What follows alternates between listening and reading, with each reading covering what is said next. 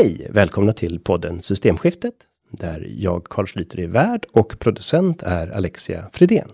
Vår gäst idag heter Andreas Cervenka. Hjärtligt välkommen! Du är ekonomijournalist. Tack så mycket! Och det här avsnittet tänkte jag vi ska prata om någonting spännande som faktiskt alla har en relation till, nämligen pengar. Mm. Och eh, hur skapas de och Eh, vad händer med dem när vi har det system vi har? Och då undrar jag lite grann, som många andra har undrat. Och jag vet att det här har du förklarat säkert tusen gånger, men upprepning är lärdomens moder och fortfarande vet inte många vad som händer. När jag går in på banken, tar ett banklån på en miljon, så kanske en del tror att banken går och hämtar en miljon i bankvalvet och knappar in. Men hur funkar det egentligen? Ja, det där är lite intressant och, och tittar man i många läroböcker så beskrivs det ofta som att eh, Olle har sparat ihop 100 kronor, eh, sätter in dem eh, på banken och så lånar banken ut 100 kronor till Kalle. Men det är faktiskt fel. Eh, utan det som händer är att banken gör en prövning av dig och sådär, kan du betala räntorna och amorteringar eh, i den mån man vill ha det. Och sen så när man ska leverera de här pengarna, då knappar man bara in eh, på tangentbordet och uppfinner eh, pengarna i samma stund som de betalas ut. Så när jag kommer ut från bankkontoret, den miljonen som jag tog i lån, den fanns inte när jag gick in på Nej, bankkontoret. den skapas i den eh, sekunden som det här lånet är beviljat och, och pengarna betalas ut. Och det är så i princip alla pengar som vi kallar för pengar eh, skapas i dagens system. Och får banken göra så här bara? De har ditt hus som säkerhet eller någon säkerhet vanligtvis. Men får de bara göra så här? Hur mycket pengar får de skapa? Ja, men det där är en väldigt bra fråga. Eh, Det man kan säga är att det som händer då är att banken eh, skapar eh, en tillgång, nämligen en fordran på dig. Och sen skapar de också en skuld samtidigt som är lika stor, nämligen skulden är att de ska betala ut pengarna eh, till dig. Och du kan ta ut dem från bankkontot och, och sätta in i någon annan bank eller göra någonting med dem. Eh, men hur mycket kan man skapa? Jo, tittar man tillbaka om man tar lite helikopterperspektiv så eh, fram till 1971 så hade vi ju ett system som kallas för guldmyntfoten eh, eller Bretton Woods hette det på sluttampen. Eh, där man pengars värde var kopplat till, till guld. Men sen dess kan man säga att vi har ett system där pengar är enbart baserade på förtroende. Eh, och så teoretiskt sett kan de skapa väldigt mycket pengar. Sen så finns det då regler, eh, så kallade kapitaltäckningsregler, som säger att banken får inte låna ut eh, för mycket i förhållande till aktieägarnas kapital. Eh, och det finns andra regelverk. Men man, om man som ser vad som hänt de senaste 20-30 åren kan man se ganska lätt att de eh, reglerna har i praktiken varit ganska svaga. Eh, för det som händer är att eftersom man oftast lånar ut eh, med säkerhet i form av till exempel bostäder och de stiger i pris. Då känner banken att den kan låna ut ännu mer pengar. Och det i sin tur driver upp priserna på, på tillgångar, vilket gör att banken kan låna ut ännu mer. Och den dynamiken har vi ju sett väldigt kraftigt sedan, eh, sedan 80, 90 och 2000-talet. Så bankernas affärsidé är alltså att man kan rea ut den vara man kan producera nästan oändligt av, nämligen pengar. Och då Ja. vill folk ha ännu mer och då är det ännu mer lån. Lite så. Och man skulle nog aldrig komma hem från en möbelaffär och säga så här. Älskling, jag fick ett försäljningslöfte av affären. Vi får köpa soffor för upp till 100 000. Men man kan vara nöjd när man kommer hem från banken och säger vi har fått ett lånelöfte. Men de menar, banker, säljer, banker säljer ju pengar, det är det de gör. Så att man, ska, man ska knappast vara tacksam för att man får, får köpa en vara. Och det glömmer man ofta bort att eh, eh, banker vill ju låna ut så mycket som möjligt. Eh, och särskilt när det gäller till exempel bostäder i Sverige. Därför att risken är eh, förhållandevis låg. Så de har alla incitament i världen att låna ut mycket pengar. Och det får ju stora konsekvenser. Nämligen att priserna stiger. Ja, och jag tänker så här, när jag var liten så fanns det faktiskt en del mynt fortfarande på marknaden som det var silver i. Mm. Och jag tyckte det var jättehäftigt, så jag började spara på sådana silvermynt. Mm.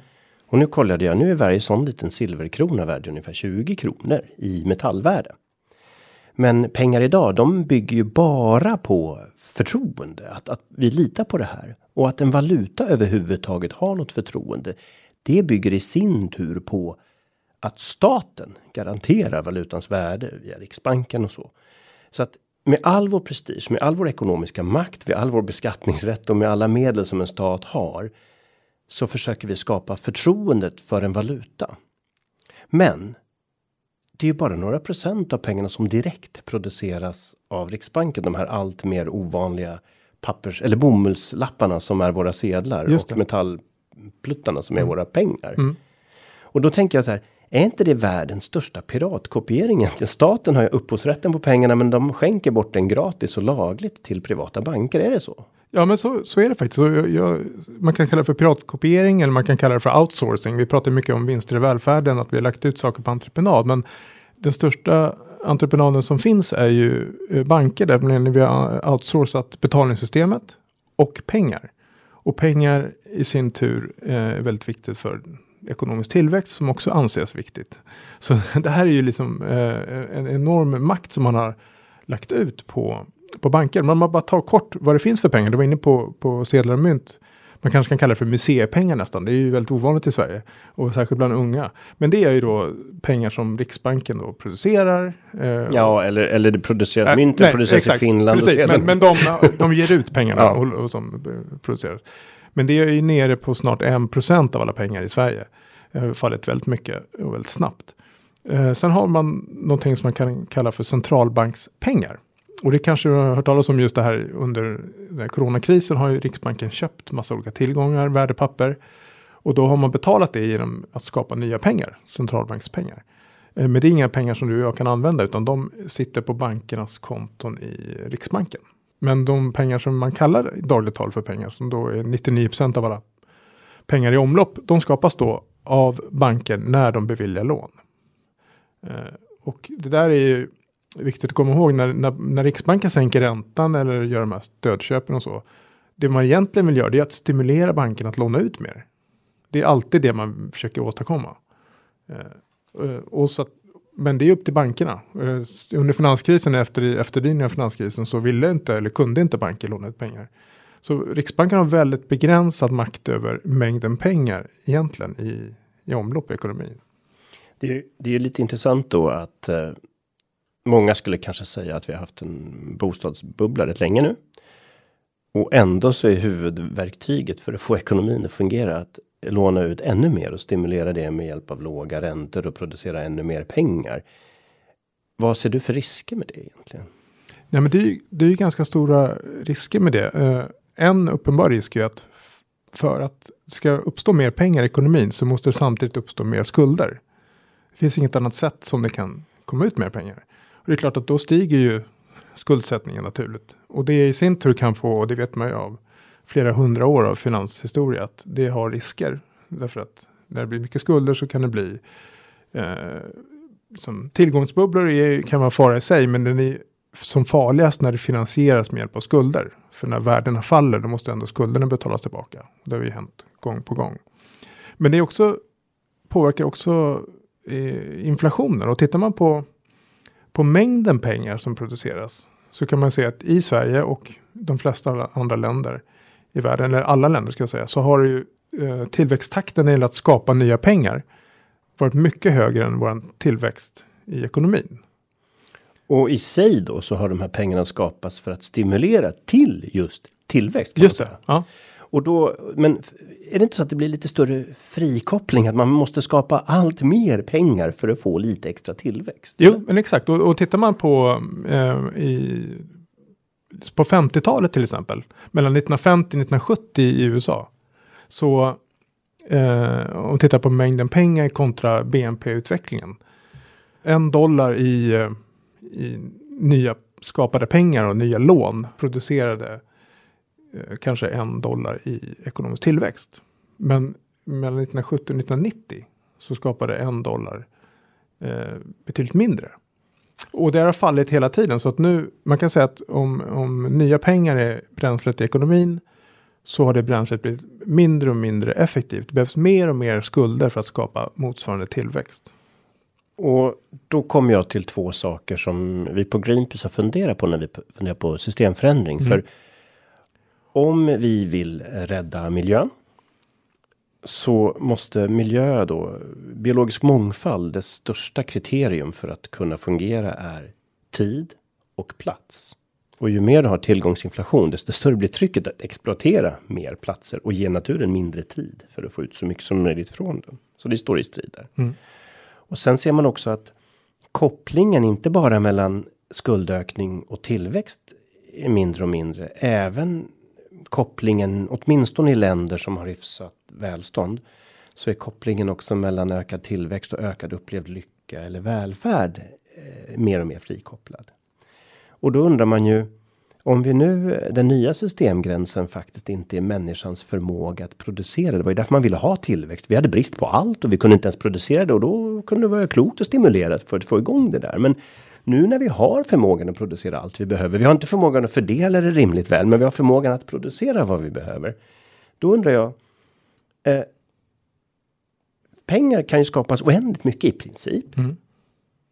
Men de naturresurser som brukar eh, användas när man skapar tillväxt, de har ju ett slut. Och då, hur ser man på det här? Finns det någon möjlighet nu om man politiskt skulle vilja att ja, men vi satsar inte på tillväxt. Vi, vi satsar mer på ökad fri tid eller ökad makt över sin tid eller andra välfärdsmått, att kunna umgås mer eller att kunna bara vandra i naturen utan att konsumera lika mycket. Att det är det som ger välfärd, umgås med vänner. Men om vi nu politiskt har en majoritet som vill det. Vad händer om de försöker säga, ja men nej, vi struntar i att jaga tillväxt. Vi jagar andra välfärdsmått. Vi jagar andra utvecklingsnormer, bättre miljö och andra saker. Vad händer då med det finansiella systemet? Ja, då skulle det bli väldigt sårbart därför att en viktig eh, faktor när det gäller att försöka få upp tillväxten är att man ska få ihop tillräckligt mycket pengar för att betala räntor på de skulder man har skapat. Eh, och man kan ju tala om ett begrepp som kallas för skuldmättnad, att man har så mycket skulder i ekonomin att det bromsar i sig tillväxten. Och det ser vi, varför är det, man mäter ju alltid skulder i förhållande till BNP. Eh, och det blir problem då, till exempel under corona har ju skulderna ökat väldigt kraftigt. Samtidigt som BNP har sjunkit, så den här kvoten har ju stigit. Och det är, varför är det problematiskt? Jo, någonstans illustrerar det, vad är din betalningsförmåga för den här skulden? Eh, och nu kan man säga de senaste åren har ju inte det synts så mycket därför att räntorna har varit låg, det vill säga att räntebetalningarna är låga. Men det är latent ett eh, jätteproblem och någonstans är ju att låna är ju att inteckna framtiden. Alltså det som sättet som vi skapar pengar idag, det vill säga banker kan skapa pengar i tomma intet i praktiken, är på ett sätt en tidsmaskin. Som, som när det fungerar är ganska briljant, nämligen för att låna ut pengar och göra någonting så behöver du inte eh, spara in pengar innan, vilket sparar väldigt mycket tid. Så du kan, den här investeringen, den här fabriken, den här gruvan, eh, det här kalhygget kan ske nu istället för att det skulle ta tid. Så om du kan, spa, du kan snabbt trolla fram massor av pengar som kan användas till att utnyttja naturresurser. När du samtidigt inte har något pris på den Eh, du låtsas som att de här resurserna är oändliga och du har inget pris på den miljöskada som uppstår. Ja, då har du förklaringen tror jag till att det ser ut som det gör. Då undrar man ju också den andra dimensionen av det här är ju. Man skulle ju faktiskt kunna tänka sig att riks, om staten behöver ställa om energisystemet eller göra en annan investering för framtiden. Att minska sin miljöbelastning till exempel. Idag går man alltså omvägen via bankerna att istället för att Riksbanken, som den faktiskt egentligen skulle kunna göra, Riksbanken skulle kunna skapa 200 miljarder och säga att här staten, det här kan ni investera i. Det är ju, det är ju teoretiskt möjligt. Absolut. Men istället går man alltid omvägen via privata banker som då tar en mellanskillnad. Och framförallt så blir då pengarna alltid skuld. Mm. Då undrar man ju en annan del av det här med om det är några banker som skapar pengarna. Då är det ju någon som också gör en vinst på räntemarginalen. Och det är ju bankens ägare då förstås. Och eftersom ägandet av banken är ganska ojämlikt fördelat eh, i samhället. Så känner jag en eh, oro för att ständig skuldökning också ständigt ökar klyftorna. Att en regering som vill minska klyftorna måste liksom kämpa den här motvinden mot skuldökningens omfördelning upp uppåt. Tänker jag helt fel här eller vad gör du för analys? Nej, det är helt rätt. Jag, jag skulle kalla bankerna är pengafabriker. Eh, och ju mer pengar som produceras desto dyrare blir olika tillgångar. Eh, och vi kanske kommer in på det, men, men tittar man på vi har ju inflation eh, som Riksbanken ska följa, nämligen att enkelt uttryckt handlar det om att pengarna ska bli lite 2% mindre värda varje år. Eh, så att du får 2% mindre tomat och avokado och bensin än vad det fick för ett år sedan. Eh, och det är det enda man tittar på. Men det finns också annat i samhället som man använder och köpa pengar för, nämligen tillgångar. Bostäder, aktier och mark och andra saker. tittar man på priserna på dem så har ju de ökat dramatiskt och det vet ju alla. Så det vi har haft en extrem inflation, men den har uttryckt sig i, i priset på tillgångar istället för priset på, på varor och tjänster. Mm. Och det här i sin tur, och det är drivet, tittar man, eh, men en klassisk eh, definition av inflation som, som formulerades av Milton Friedman på 70-talet då, man brukar kalla för monetarister, det är ju väldigt enkelt, nämligen inflation är hur mycket pengar finns i omlopp. Så där, kan man förklara för ett barn, ju mer pengar vi har, desto mindre är varje peng värd. Tittar man på hur mycket Om inte det vi har då kraftigt ökar förstås. Ja, men exakt, precis. Men, men så tittar man på uh, i Sverige till exempel, hur mycket har penningmängden ökat? Hur mycket, bank, hur mycket pengar har producerats av bankerna? Uh, så ligger det väldigt nära hur mycket priset på både bostäder och aktier har ökat. Intressant. Ja, väldigt, väldigt nära. Och det är samma sak i USA. Skulle jag tro i de flesta delar av världen. Nämligen Eh, det är ju en inflation, men den, den har bara synts i, i tillgångar. Uh, och då är det snarare så att man, jag skulle nästan hävda att man skulle kunna dela upp den svenska kronan i två valutor. En lönekrona uh, och en tillgångskrona. Lönekronan, eh, den är ganska stabil, inte så mycket händer, det har inte varit någon större inflation de sista tio åren. Tillgångskronan däremot, den är nästan som i ett bananrepublik. Eh, priserna stiger ju liksom jättesnabbt. Så har du, har du liksom lönekronor på ett konto och väntar på att du ska köpa ett hus. Har du väntat ett år så har köpkraften på dina kronor kanske fallit med 20 procent sista året. Mm. Ja, så, mm. fritidshusen gick ju upp 16 procent nu för, jämfört med förra året och vanliga mm. hus 13 procent. Ja. Så det är ju en väldigt köpkraftsförsämring om du nu ska använda de här pengarna till till att köpa tillgångar. Och det kan ju vara en förklaring till att väldigt många är intresserade av att köpa tillgångar. Det är ju ett sätt att skydda sina pengar från en köpkraftsförsämring. Särskilt om du är ung och någonstans, någon gång i framtiden vill äga en bostad. Då kan du inte sitta med dina pengar på ett bankkonto. Det är vansinne. Det här är ju jätteroligt, eller sorgligt kanske snarare, ja. men, men då, blir, då betyder det att man har att välja mellan två saker idag. Antingen blir man hyresgäst eller så blir man hyresgäst hos banken. För man kommer aldrig ha råd att köpa sitt hus. Utan man måste hyra från banken eller ja. från en hyresvärd. Ja, precis. Och du, du pratar om inflation och jag har gjort lite prisjämförelse bara för att folk mm. ska kunna se det här. Och om vi då tillämpar, och i Stockholm är det ju ännu värre, men om vi tillämpar på riket då inflationen från 1981. Mm. Eh, om vanliga vardagsvaror hade följt bostadsprisutvecklingen. Vad hade de kostat idag jämfört med 1981 då? Och då tittar vi på mjölk. Var hamnar mjölk? Jo, då skulle mjölken idag kosta 27 kronor litern och det här är oekologiskt dessutom. Mm. Smör hade kostat 90 kronor paketet och kaffe hade kostat 154 kronor halvkilot. En flaska starköl av billigt märke skulle kosta 38 kronor på systemet. Havregryn 42 Apelsiner skulle kosta 62 kronor och hör och häpna för ett kilo tomater som du faktiskt nämnde nyss. 158 kronor kilot. Mm. Det är den prisutveckling som husen har haft jämfört med vanliga vardagsvaror. Det illustrerar ju väldigt tydligt eh, vad du sa. Just. Ja, vi har blivit itutade att den enda inflationen som spelar en roll är den här tomatinflationen. Eller andra, andra varor. Men tillgångsinflationen är ju kanske ännu viktigare ur ett slags livsperspektiv. Därför att man kan ju visserligen leva utan att äga aktier, men det är svårt att inte ha någonstans att bo. Vill man välja var man ska bo och ha ett större utbud så bör man äga. Och det är också det att det har varit en väldigt bra placering. Så är man inte inne i det här systemet, om man har växlat in sina lönekronor till tillgångskronor, så blir man ju bara rikare och rikare. Jämfört med de som inte har gjort det. Så vi har ett system som premierar väldigt kraftigt att skuldsätta sig. Mm. Och om vi då skuldsätter oss. Så gör vi det genom privatskapade pengar av bankerna. Och då blir det ju så att vi har ett system som gör att om du inte köper bankernas produkt så blir du automatiskt en förlorare. Det känns ju inte riktigt som en fri marknad. Nej, och det är också viktigt att komma ihåg vad, hur den här inflationen är möjlig. Varför har det inte varit någon explosion när det gäller tomatpriserna?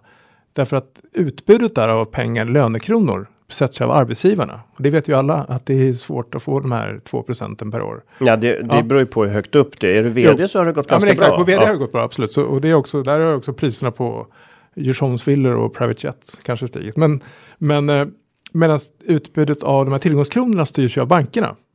Eh, så det här hade aldrig varit möjligt om inte bankerna hade skapat så mycket pengar som de har gjort. Det är det som, jag menar, det som driver upp huspriser idag de facto. Man pratar ofta om bostadsmarknaden, klart det finns många underliggande faktorer.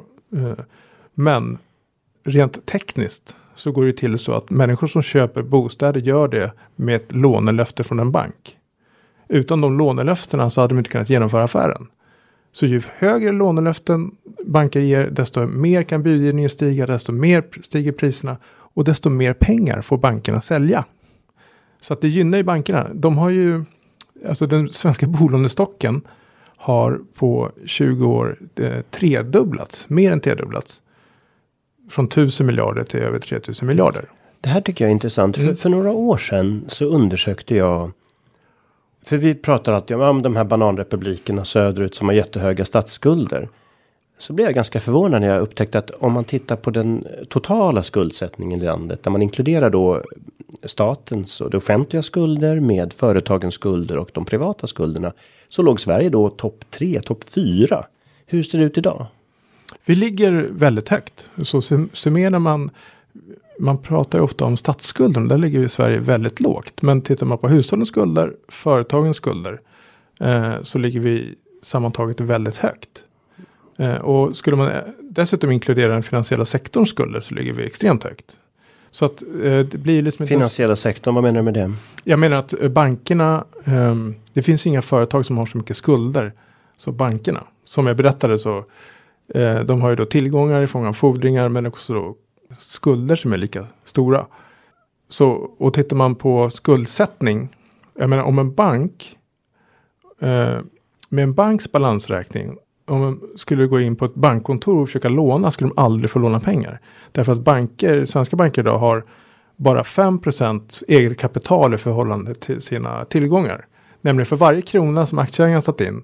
Så har de lånat 20 kronor. Det är ju då lite om man ska jämföra det med en privatperson som kommer in och säger att eh, jag vill ha 95% lån på det här huset och 5 insats. Mm.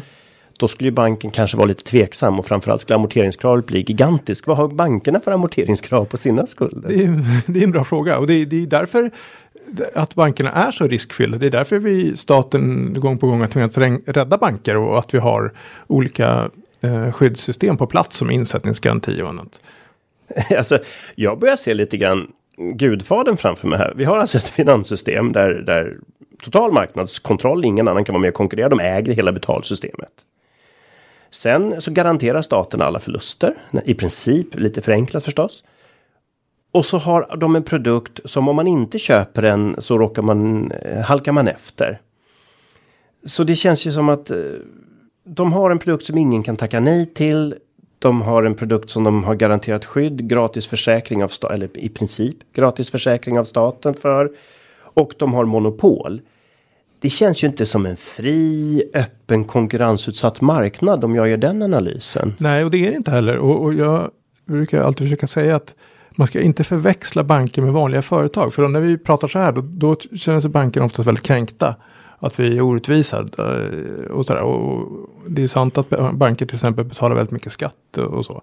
Men det här är att betrakta som en slags semi-offentliga institutioner. Det finns inga andra företag som är i närheten av att ha den täta band, de täta banden med statsmakten och det skyddet som man har, eh, som banker har när, när corona bröt ut så uppstod ju en finansiell kris. Och då var Riksbanken snabbt ut och meddelade att banker kan låna obegränsat med pengar från Riksbanken. Det vill säga en livlina på oändligt med pengar uppstod. En livlina som inga andra aktiebolag i Sverige hade tillgång till. Det är klart att det är ju en, en trygghet för bankerna. Eh, och det där tror jag är väldigt viktigt att, att komma ihåg tittar man till exempel det som har hänt nu, Riksbanken har stödköpt, köpt värdepapper för flera hundra miljarder kronor. Eh, och det är egentligen pengar som har skapats för att stötta den finansiella sektorn. Så du nämnde det här med att kan man inte staten skapa pengar och göra saker, bra saker för klimatet till exempel? Jo, det kan man göra, men man kan konstatera att när det gäller att stabilisera den finansiella sektorn så finns det ingen, eh, finns inget tak. De har berett att skapa oändligt med pengar vilket man har gjort i coronakrisen. och man har, men inte bara att man har, man har skapat mycket pengar, man har sagt just att vi, blir det värre så gör vi vad, precis allt som krävs. Och det beror då kanske på vad man brukar säga så här, too big to fail. Att vi har inte råd att banken eller finanssystemet kollapsar, för då kollapsar hela ekonomin. Exakt, vi har skapat ett monster som vi alltid måste klappa och vara snälla mot. För annars blir det, äter upp oss. Men det, det känns ju på något sätt ändå inte som att den politiska debatten har handlat så mycket om vad vi faktiskt har. Vi har alltså ett finanssystem som man beskriver som att det är ett nödvändigt smörjmedel för att få den vanliga ekonomin att fungera. Och då tycker man, ja men det är bra, annars kollapsar ju maskinen. Men så har vi nu skapat det här smörjmedlet har blivit nästan själva syftet med hela projektet. För att vi har ett system som är för stort för att kollapsa så att vi måste alltid rädda det. Vilket gör att de tar hur stora risker som helst. Och allt bygger på skuld, vilket innebär att vi intecknar framtida generationers arbete för vår konsumtion idag.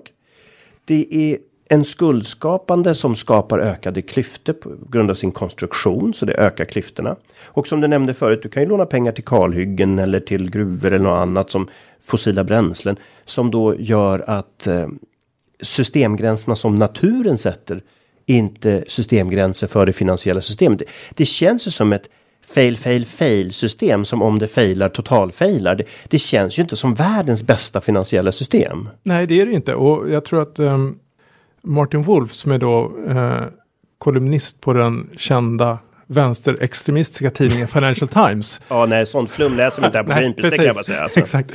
Wall Street Journal, där drar jag min hö ja, vänstergräns. Precis, alltså. Exakt. Ja. uh, han skrev ju faktiskt så här att när framtida generationer tittar tillbaka på finansiella systemet så kommer man undra om de som skapar var inkompetenta eller korrupta eller både och. Mm. Det är för att det är väldigt dysfunktionellt. Och jag tycker det är intressant det här med att låna ut till kalhyggen. Men nu bara i år så har ju då svenska banker sagt att nej, men vi kanske inte ska låna ut så mycket till oljesektorn. För det, det stimulerar ju eh, klimathotet. Och det hade man ju tänkt att de skulle ha funderat på kanske för 30-40 år sedan. Då hade det inte sett ut som det hade gjort. Ja, men normalt sett när staten out, eller normalt och normalt, men ofta när staten outsourcar någonting så brukar man ändå ställa någon slags krav att ja, men eleverna ska i alla fall få någon slags utbildning eller att eh, vägen ska i alla fall bli byggd eller, eh, eller så.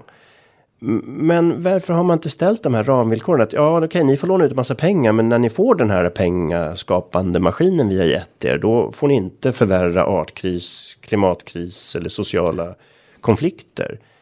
Har man satt några sådana krav egentligen? Nej, det har man ju aldrig gjort. Och det, den frågan har kommit upp nu 2020, 2021, vilket är ganska sent. Och, det är, och förklaringen kan ju vara lite grann, du var inne på, på maffian här, det är lite grann maffiabeskydd, nämligen att staten skyddar bankerna och vad gör bankerna i, i gengäld? De eh, ger pengar, nämligen de gör det billigare och smidigare för stater att låna, vilket gör det lättare för politiker att genomföra reformer, låna pengar, lova saker till, till andra. Så det är en symbios mellan stat och bank.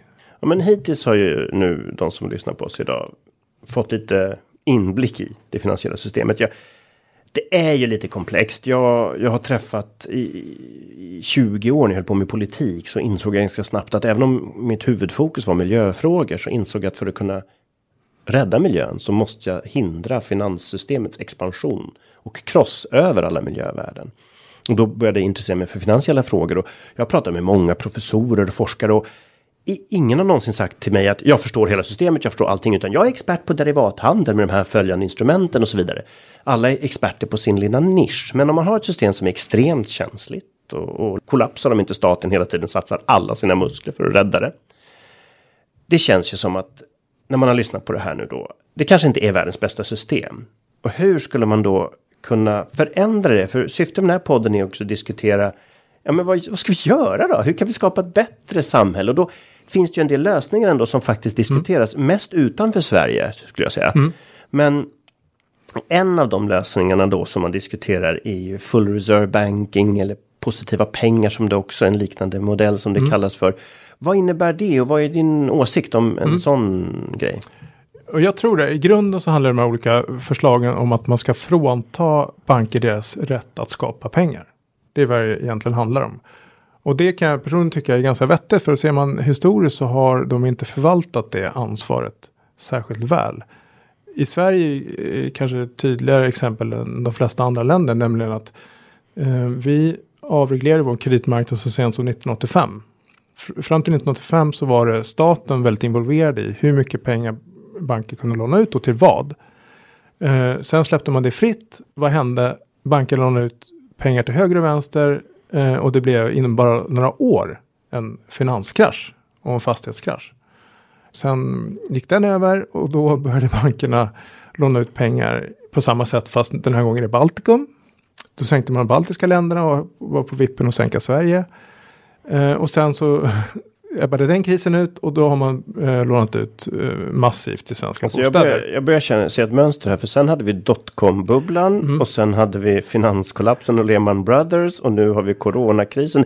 Det känns som att det här systemet kanske har vissa störningsproblem. Jag tror det och, och man måste också komma ihåg att det här systemet lever ganska gott på bubblor och krascher. Mm. Eh, och incitament och det bland annat har någonting som Martin Wolf har pekat på. Och det, jag tror att det i grunden handlar om det, att banker kanske inte ska ha rätt att skapa pengar. Och rätt intressant är att på Island då, som då var en av de länder som drabbats hårdast av eh, finanskrisen. Som hade då skapat en egen hemmakokt eh, liten bubbla. Nämligen att det här lilla landet med mycket liksom, fiskeindustri och aluminiumfabriker blev en gigant på banker. Med jättestora banker. Och, och det kan man, där kan man se till exempel där, där skapade de isländska bankerna, de ökade penningmängden på Island med 14 gånger inom loppet av eh, 15 år. Och det, det kraschade. Och där tillsattes det faktiskt en parlamentarisk utredning. Hur ska vi göra om det här systemet så att det bättre liksom, eh, är i medborgarnas tjänst? Och då kom man fram till att jo, men det här med att avskaffa bankers rätt att skapa pengar, det vore vettigt för oss. Ja, och jag läste en rapport som hette Chicago-skolan återbesök. För Chicago-skolan är den här moderna Exakt. ekonomiska ja. teorin. Och även där kommer man ju till liknande slutsatser. Mm. Och vad skulle hända då? För vi pratade ju förut om att om alla vill, om Per vill ta ut sina pengar, Pelle vill ta ut sina pengar från banken, så, så om alla vill göra det samtidigt så finns de ju inte där. Nej.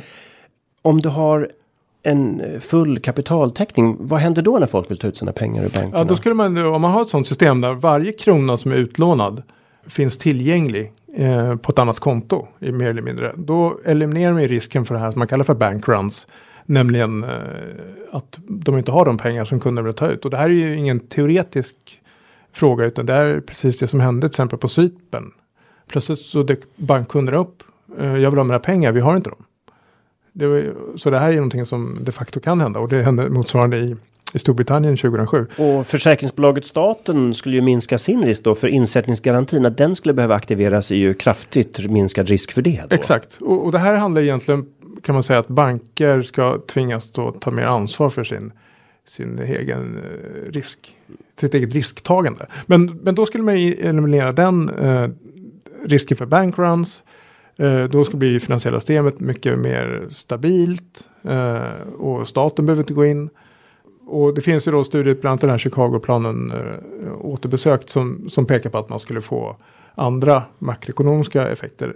Eh, till exempel skulle man ju minska statsskulden ganska kraftigt. Därför att som du nämnde så idag är staten mer eller mindre beroende av att låna pengar av banker. Om, om staten själv kan skapa pengar så till 0% ränta så, så undviker man det.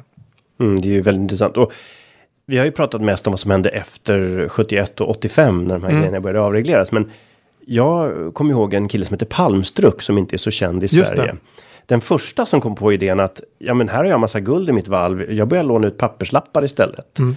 Och han eh, frestades att låna. Och redan då, han dömdes till dödsstraff men blev till slut benådad då. Mm.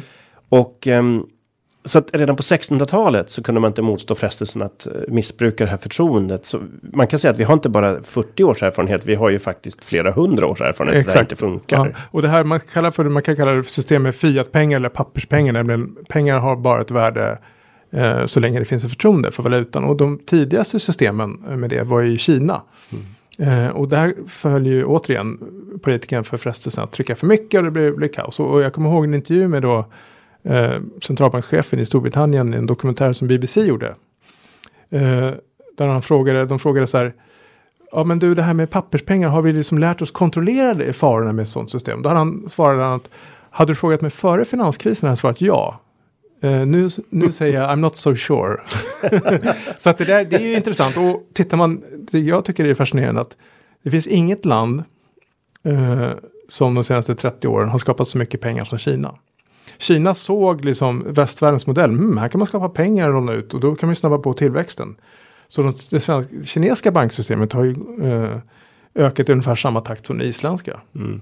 Så, och då kan man säga så här, och tillväxt i sig då, åtminstone för de rikare länderna på jorden, är kanske ett olämpligt mål, eller det är ett olämpligt mål om man vill öka människors välmående, för det är andra problem folk har idag. Mm. Vi har fortfarande fördelningsproblem givetvis, men det här systemet ökar ju också de problemen. Så att det här kanske vi behöver göra någonting åt och då undrar vi det finns ju lite fler grejer som diskuteras. En av dem är ju till exempel då att vi skulle ha en e-krona, till och med att varje människa skulle ha ett konto på Riksbanken och plötsligt uppstår ju då konkurrens och marknadsekonomi när det gäller betalningssystemet, för då skulle folk kunna använda betalningar via sina riksbankskonton. Vad, vad, vad händer då? Ja men det är jätteintressant för det uppstår ju och bakgrunden till det är ju att Riksbanken är väldigt orolig för att vi använder så lite kontanter. För det är en kontrollförlust för dem eftersom det är de pengar de, de kontrollerar. Orsaken till det är ju sin tur att bankerna tycker inte att det är lönsamt att hantera kontanter. Och, och Riksbanken har inte kunnat tvinga dem. Så det skulle vara ett, eh, ett komplement till fysiska kontanter, den e-kronan. Lite grann beroende på hur man utformar det här. Men om det skulle vara så att man får ett konto på Riksbanken. Låt oss säga det. Då kan vi backa tillbaka och jag kommer ihåg eh, hösten 2008 när Lehman föll. Så hade jag kompisar i finansbranschen som flyttade runt sina pengar mellan olika banker så att man inte skulle komma över den här gränsen för insättningsgaranti. Mm. Så orolig var man. Du har rika vänner. Ja, några av dem är rika. Rikare än jag i alla fall. Men ha, vad hade hänt vid ett sådant tillfälle om man hade kunnat sätta in pengar på Riksbanken? Jo, naturligtvis hade enorma summor flödat in på Riksbanken. För där är de ju per definition alltid säkra. För Riksbanken kan ju alltid uppfinna eh, nya pengar för att betala dig. Och, då, och det i sin tur skulle då destabilisera bankerna väldigt kraftigt. Så det skulle bli en direkt konkurrent och ett hot mot ja, banksystemet. Och, och, idag finns ju ett helt säkert sätt att spara pengar för en privatperson och det är att man stoppar in pengarna på sitt skattekonto och ger, anger utbetalningsförbud för dem. För du kommer ju, staten kommer ju aldrig efterskänka dina skatter till dig, utan det är ju helt säkert att de där kommer någon gång du kunna få tillbaka eller använda. Så att i väntan på det så finns ju i alla fall ett helt säkert sparalternativ för vanligt folk. Mm. Men sen finns det ju också en intressant grej tycker jag, det här med helikopterpengar. Och det betyder då att Riksbanken gör nya pengar och delar ut rakt av till folket istället för att gå omvägen via bankerna. Hur ser diskussionen ut där? Ja, det är intressant. För det, det man kan säga är att efter finanskrisen så har ju eh, centralbankerna eh, skapat enormt mycket pengar. Och de pengarna har använts till att, till att eh, stödja köpa olika värdepapper. Vilket då är samma sak som att man stöttar den finansiella sektorn. Och då var det ganska tidigt många ekonomer som pekade på att men är inte bättre om, om vårt mål här det är att skapa, öka efterfrågan i ekonomin. Är inte bättre att skicka ut pengarna direkt till till eh, hushållen. Och det är ju faktiskt vad man i praktiken har gjort nu i USA. Nämligen alla de här eh, stimulanscheckarna som då har hamnat amerikanska folket. Nämligen att om man ser vad som händer så lånar amerikanska staten enormt mycket pengar. Eh, och den största köparen av eh, statsobligationer är Federal Reserve. Och den största ägaren av den största långivaren till amerikanska staten är Federal Reserve med ganska god marginal.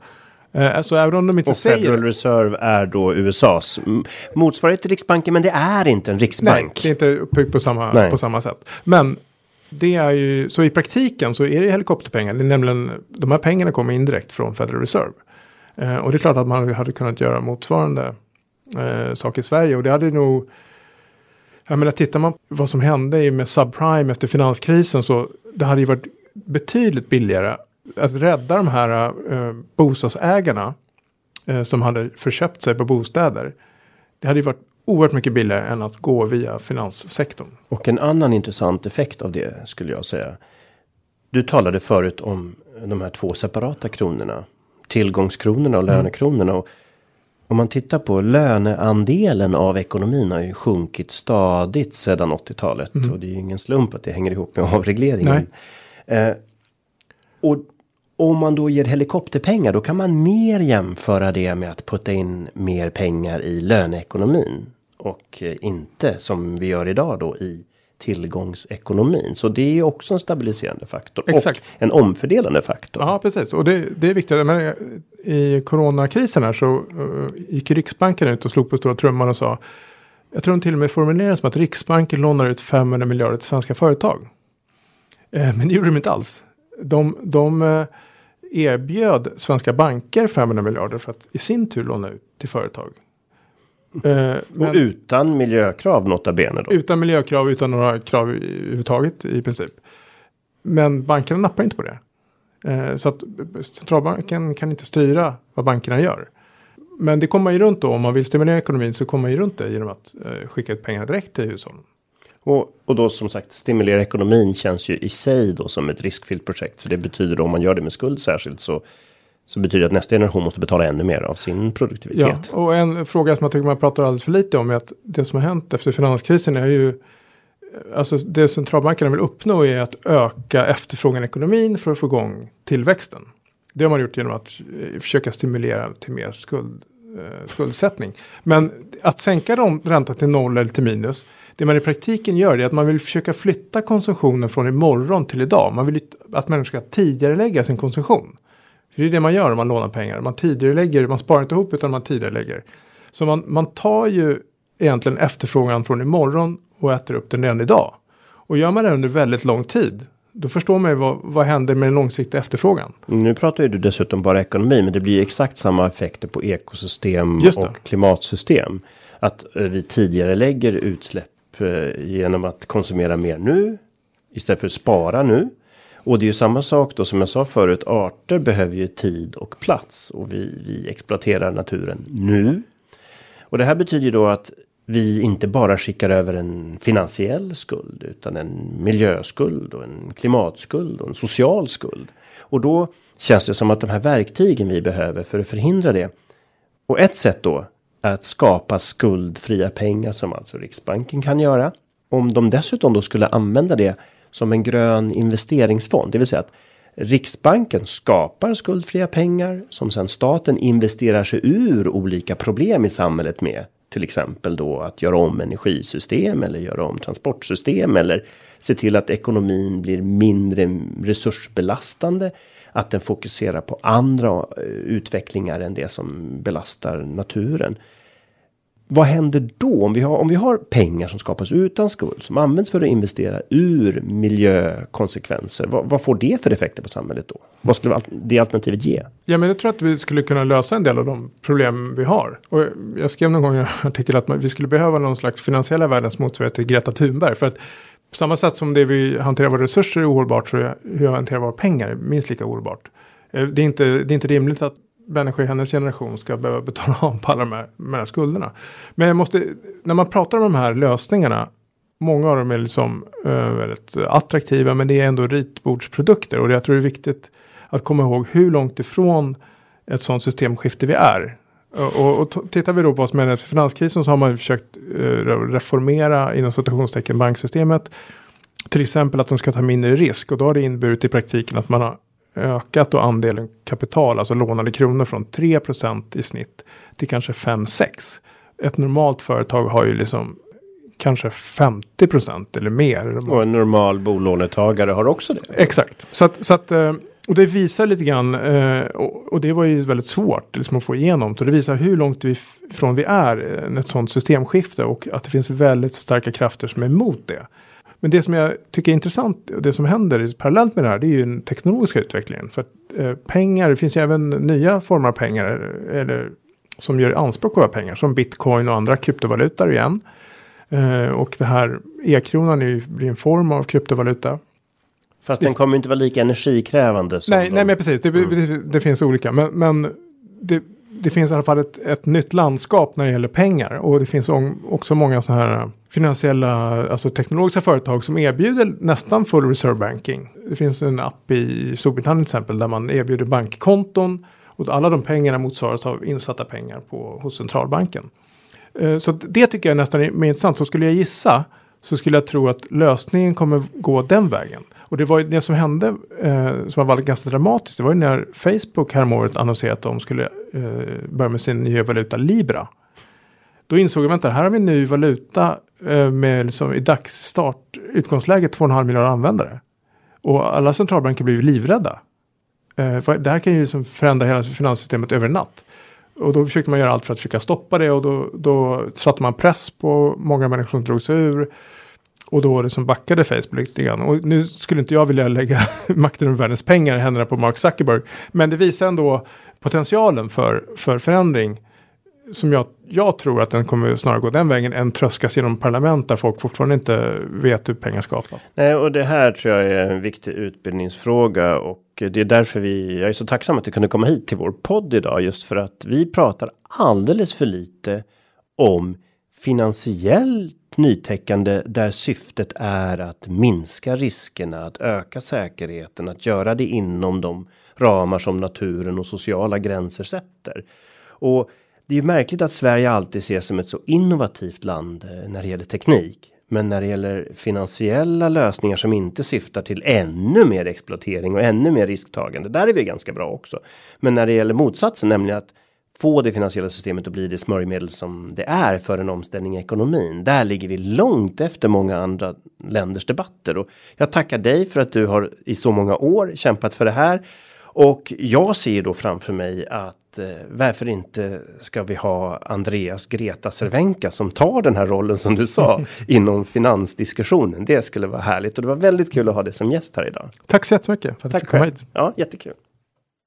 I nästa avsnitt träffar vi Gunilla Högberg Björk som är miljöjurist och har lång erfarenhet av att slåss för miljön i våra domstolar och vi kommer prata om hur kan rättsväsendet ställas om för att nå systemförändring.